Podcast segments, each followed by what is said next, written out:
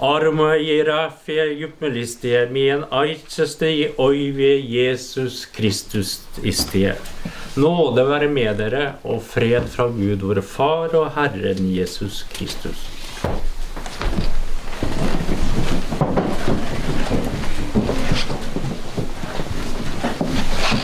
Vi skal be samlingsbønn. Herre, jeg er kommet inn i dette ditt hellige hus for å ta imot hva du, Gud Fader, min skaper, du Herre Jesus, min frelser, du Hellige Ånd, min trøster i liv og død vil gi meg. Lukk nå opp mitt hjerte ved din Hellige Ånd, så jeg kan sørge over mine synder, leve i troen på din nåde, og sammen med hele ditt folk fornyes hver dag i et sant og hellig liv. Amen.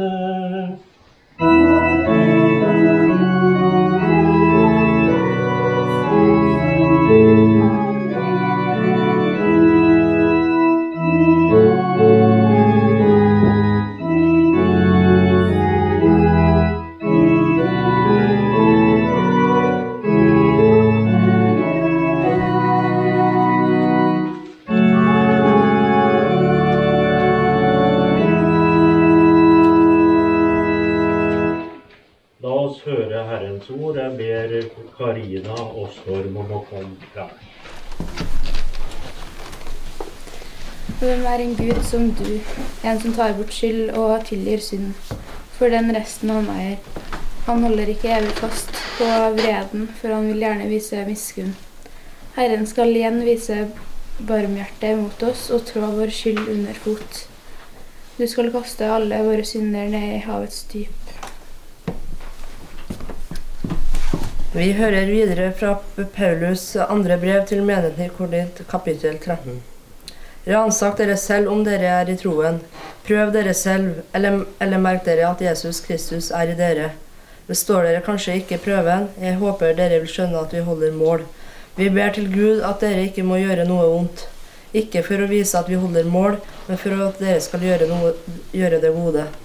Så kan det gjerne se ut som om vi ikke holder mål, for vi makter ikke noe mot sannheten, bare for sannheten.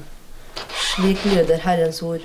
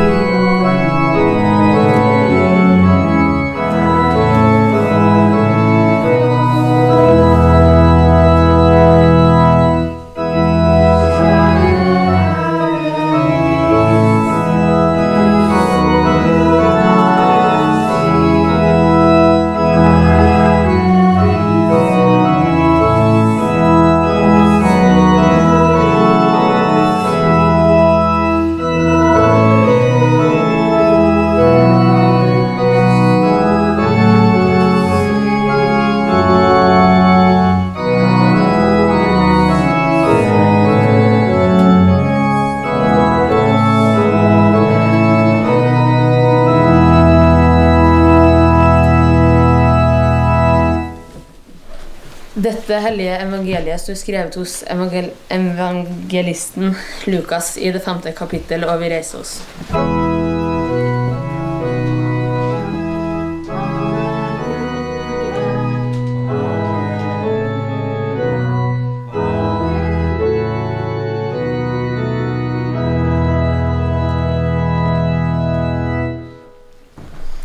Jesus sa, en mann hadde to sønner. Den yngste sa til faren, Far, gi meg den delen av formuen som faller på meg. Han skiftet da sin eiendom mellom dem. Ikke mange dager etter solgte den yngste sønnen alt sitt og dro til et land langt borte. Der sløste han bort formuen sin i et vilt liv.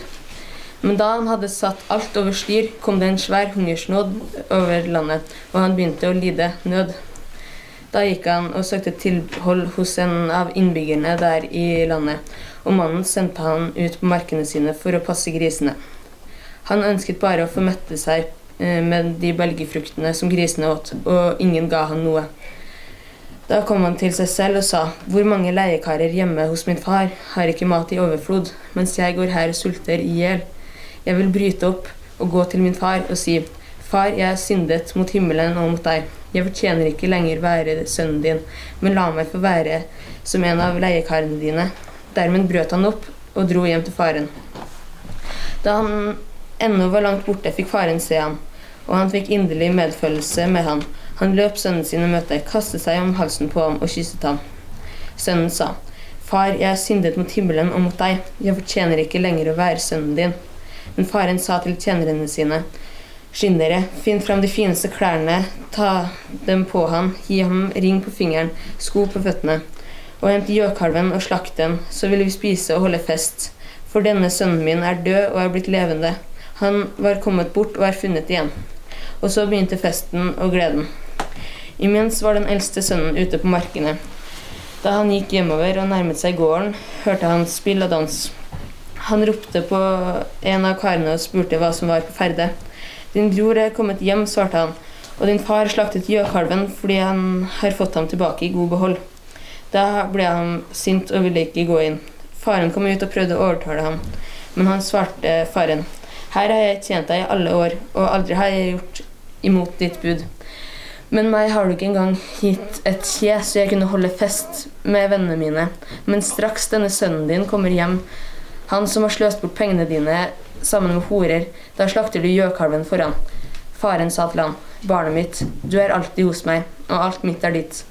Men nå må vi holde fest og være glade, for denne broren din var død og er blitt levende. Han var kommet bort og er funnet igjen. Slik lyder det hellige evangelium.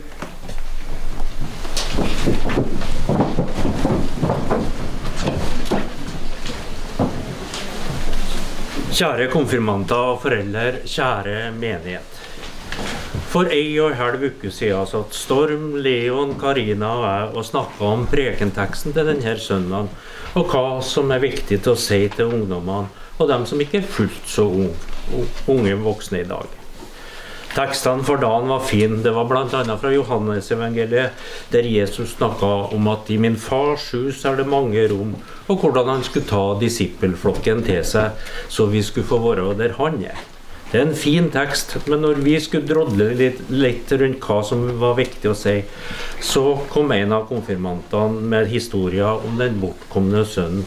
Han som sølte bort farsarven, og i den ytterste nød begynte å fantasere om å få komme hjem til far, for der fikk òg leiekarene eller arbeiderne mat i overflod. Her var det ting som var viktig å si. Og etter at jeg kom hjem den dagen, så fant jeg ut at jeg for en gangs skyld skal gi blaffen i hva slags tekster som er oppsatt for dagen, og i stedet hente fram historien eller lignelsen om den bortkomne sønnen. For konfirmantene har rett. Her skjuler det seg viktige poenger. Kristendommen blir ofte beskyldt for å ha et negativt menneskesyn, at vi fokuserer på for mye på synd og skyld. Kanskje ligger det i kjernen der, men når jeg hører mine kollegaer preke til folk, så er det forholdsvis lite snakk om synd og skyld. Jeg tror det er noe som henger igjen fra eldre dager. Jeg tror at prestene før i tida snakka mer om synd og umoral enn det vi gjør i dag. Prestene sa stort sett fy til alt, enten det var gryende seksualitet hos ungdom, arbeideres tro på sosialisme, manglende edruskap, graviditet utenfor ekteskapet eller spillegalskap i alle former. Kortspill var fy, og dans var man imot. Vel, ikke dansen i og for seg, men hva den kunne føre med seg. Og når det gjaldt ungdommelig seksualitet, så var absolutt alt lik fy. Enten det var onani, hetero eller homosex det var snakk om.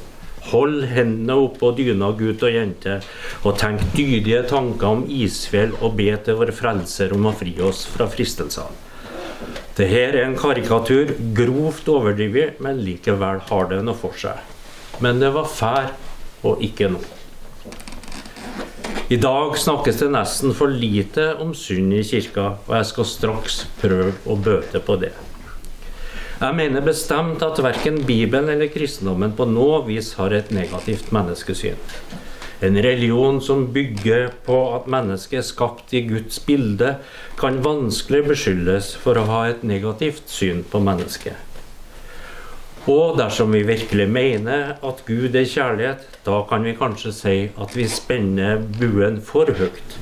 For de fleste av oss vil ha problem i sammenligning med Han som er kjærlighet. Han som er barmhjertighet og nåde. Men særlig negativt er det neppe. Men vi har altså noe å strekke oss mot. Derimot så er Bibelen full av historier om krig, slaveri, fyll, utroskap, incest, brodermord, maktmisbruk og hyklerske prester som tramper på enker og farløse, mens de fromt ber i tempel og synagoger. Bibelen skjønnmaler ikke, og den som leser sin bibel, vil finne ut at det er høgst menneskelig å feile, både i forhold til Gud, i forhold til våre nærmeste og mer allment i forhold til vår neste og skaperverket. Etter mitt skjønn er dette en høyst realistisk framstilling av vår menneskelige eksistens. Ser vi rundt oss i historia, så ser vi en orgie i jødeforfølgelser, hekseforfølgelser, tortur, krig og drap. Og hadde det bare vært historie, så hadde det vært så sin sak enn om vi kunne slått oss på brystet og si men i dag har menneskeheten kommet lenger. Men det er nok å si Ukraina, Afghanistan, Somalia, Etiopia, det tidligere Jugoslavia, og vi innser at vi må rødme av skam og fortvilelse. Og heller ikke nordmenn er vaksinert mot å bli grusomme krigsforbrytere. Vitnesbyrdene om nordmenn i Gestapos tjeneste, om Henry Oliver Rinnan og hans medsammensvorne, gir solid grunnlag for at sjøl nordmenn under gitte omstendigheter kan forvandles til de reneste monstre. Jeg tror at historien viser at mennesket har et potensial til grusomhet men også de største mulighetene til å velge kjærlighetens vei. På det viset blir sant menneske skapt i Guds bilde. Dere ungdommer holder på å skal vokse inn i voksenlivet. Gradvis blir dere mer selvstendige og skal gjøre egne valg. Og om ikke så lenge vil mange av dere flytte på hybel. Og årene går, og dere skal leve selvstendige liv. Det er med andre ord en spennende del av livet, både for dere og for foreldrene deres. Vi som er litt eldre, vi fryder oss over å se at dere modnes, samtidig som det sikkert gjør litt vondt òg. For som Johannes døperen sa om Jesus, han skal vokse, jeg skal avta. Vi voksne vi skjønner at det ikke kun dere som modnes, men at vi samtidig eldes, og at generasjonene skifter. Så for oss så er det gjerne litt vemodig å se dere når dere skyter ut i full blomst. Og samtidig vil nok mange av oss være ekstra redd for dere i denne ungdomstida. At noe skal skje dere som ikke er bra. Et gammelt ord sier at kua har glemt at hun var kalv. Jeg er ikke så sikker på at det stemmer. Det er vel ofte sånn at vi, at vi husker så altfor godt hva vi sjøl gjorde i vår ungdomstid, og det gir ofte grunn til bekymring. Det er, tror jeg, plent umulig å gå gjennom livet uten at vi på et eller annet vis tryner. At vi gjør dumme ting, uheldige valg og mange feil. På vår ferd gjennom livet er det lett å spore av og miste av syne hva som er viktig i livet. Mange blir svært opptatt av penger og dyre ting. Feit bil og traktor, store hus og luksuriøse hytter. Penger er viktig, men om det blir det eneste som betyr noe, da er vi på ville. Ungdom i gjengmiljø har gjerne latt seg friste av kjappe penger og feite statussymbol, og blir fanga i et spill, det det, et spill det er vanskelig å komme ut av. Mange blir opptatt av kropp, og også det er innenfor rimelighetens grenser bra. Det er fint å ta vare på kroppen sin og helsa si, men vrangsida av det er anabole steroider, spiseforstyrrelser og et forkvakla menneskesyn der bare ungdom og utseende betyr noe. Så skal ikke jeg ramse opp alle farene som finnes, dere kjenner dem alt. Vettløs ungdom i trafikk, alkohol og andre rusmidler. Poenget er at livet gir mange muligheter for å trø feil. Kanskje er det sånn at vi av og til må tryne for å utvikle oss. Kanskje er det sånn at det er krisene vi vokser på, som i hvert fall i ettertid er med på å gjøre oss til klokere mennesker, rausere mennesker, snillere og mer kjærlige. Og sjøl om dere går på trynet, så er det alltid veier hjem. Jeg tror jeg har med med de fleste foreldrene at selv om dere har gjort noe utrolig dumt, så er dere alltid elska, alltid velkommen. Også når dere har gjort dumme ting. Og jeg tror det samme gjelder i vårt forhold til Gud. Uansett hvor langt ut i hur og heim vi har havna, uansett hva vi har gjort, uansett hvor redd og ensom vi er, så kjenner vi alle en lengsel hjem. Sjølsagt hjem til foreldrene eller andre omsorgspersoner, men jeg tror at mye uro og eksistensiell angst er et uttrykk for vår lengsel etter Gud, vår skaper. Og Gud lengter alltid etter å få være i lag med oss, uansett hvor langt bort vi har rota oss. I historien om den bortkomne sønnen er kjærligheten og barmhjertigheten så stor at broren, som alltid var en trygg, ordentlig og hjelpsom sønn, syns det går over alle støvleskaft. Når han ser hvordan drukkenbolten av en bror blir behandla, så blir han sint og sier her har jeg tjent deg i alle år, og aldri har jeg gjort imot ditt bud, men meg har du ikke engang gitt et kje så jeg kunne holde fest med vennene mine. Men straks denne sønnen din kommer hjem, han som har sløst bort pengene dine sammen med horer, da slakter du gjøkalven for ham. Faren sa til ham, barnet mitt, du er alltid hos meg, og alt mitt er ditt. Men nå må vi holde fest og være glade, for denne broren din var død og er blitt levende. Han var kommet bort og er funnet igjen.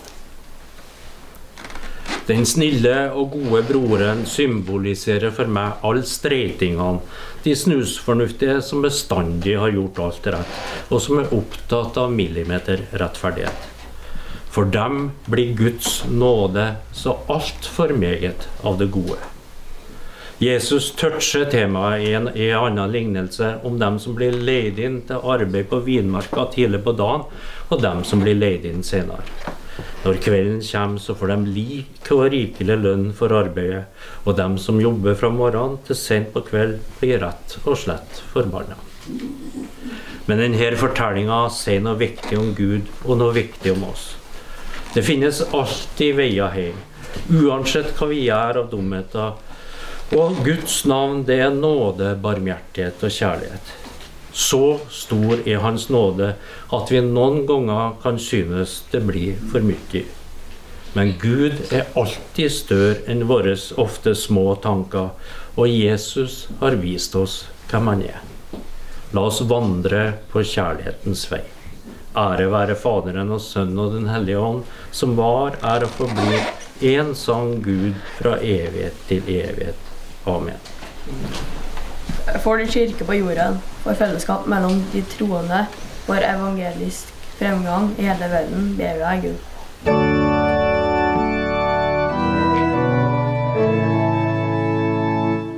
For din kirke i vårt land, for vår biskop og våre menigheter, for alle dine tjenere og medarbeidere, ber i deg, Gud.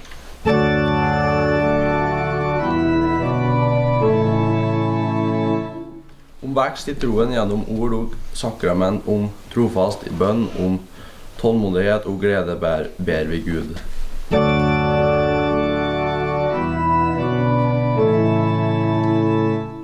Om frihet og fred i verden, om brød til de sultne, om rettferdighet for flyktninger og forfulgte, om fellesskap over grensene ber vi deg, Gud.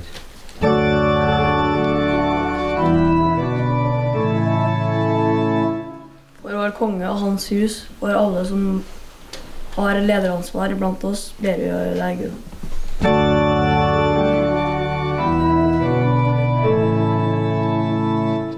For alle syke og nedbrutte, for ensomme og forlatte, for alle fristelse og fare ber vi deg, Gud.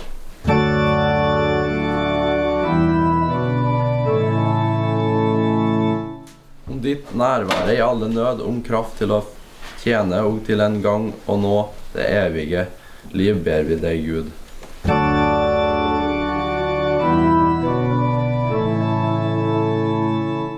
I stillhet vil vi nå legge fram for deg det hver og en av oss har på hjertet. Gud, vi ber deg.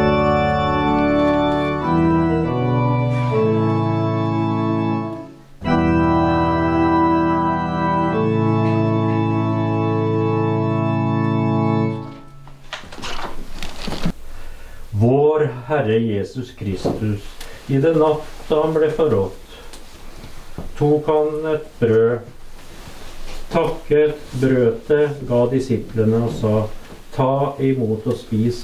Dette er min kropp som gis for dere. Gjør dette til minne om meg. Likeså tok han kalken etter måltidet, takket, ga dem og sa, drikk alle av den. Denne kalk er den nye pakt i mitt blod, som utøses for dere så syndene blir tilgitt. Gjør dette så ofte som dere drikker det, til minne om meg. Nådige Gud, vi feirer dette måltidet med glede og takk for din sønns fullbrakte offer. I troen på hans seierrike oppstandelse og himmelfart, og i forventning om hans gjenkomst i herlighet. Vi ber deg, fyll oss med din kjærlighet, så vi kan gjenkjenne Kristus i den som sulter og tørster. Lær oss å elske hverandre som du har elsket oss, og la oss en gang samles hos deg i ditt fullendte rike. Og la oss sammen be Herrens bønn. Vår Far i himmelen. La navnet ditt helliges. La riket ditt komme. La viljen din skje på jorden slik som i himmelen. Gi oss i dag vårt daglige brød, og tilgi oss vår skyld, slik også vi tilgir våre skyldnere. Og la oss ikke komme i fristelse, men frels oss fra det onde. For riket er ditt, og makten og æren i evighet. Amen. Guds fred være med dere. Guds fred være med deg.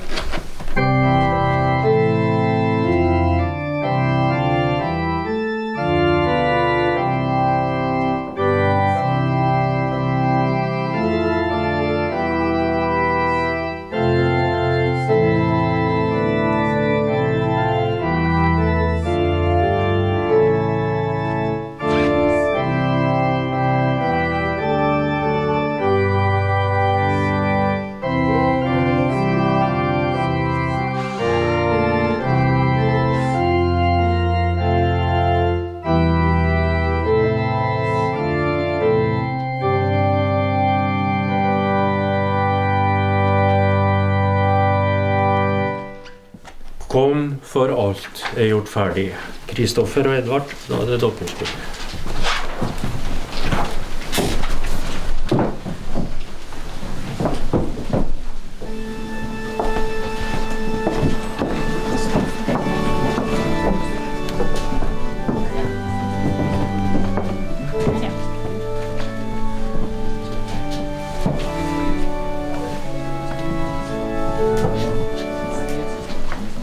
korsfestede eh, og oppstandende Jesus Kristus har nå gitt oss sitt hellige legeme, legeme og blod, som han ga til soning for alle våre synder.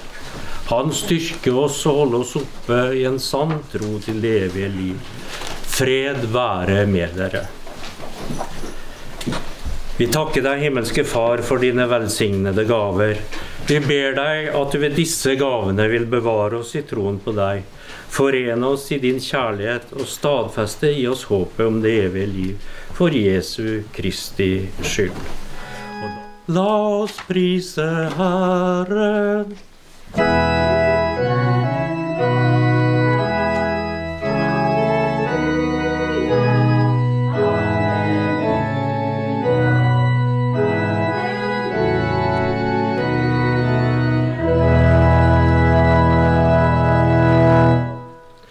Juppmele datnem boresjogonate datnem varjele. Juppmelitse ordeine dutnen tjoka i datnem armode. Juppmelitse ordeiam dugoko jarkoe i dutnen ræfjem vata. Herren velsigne deg og bevare deg. Herren la sitt ansikt lyse over deg og være deg nådig. Herren løfte sitt åsyn mot deg og gi deg fred.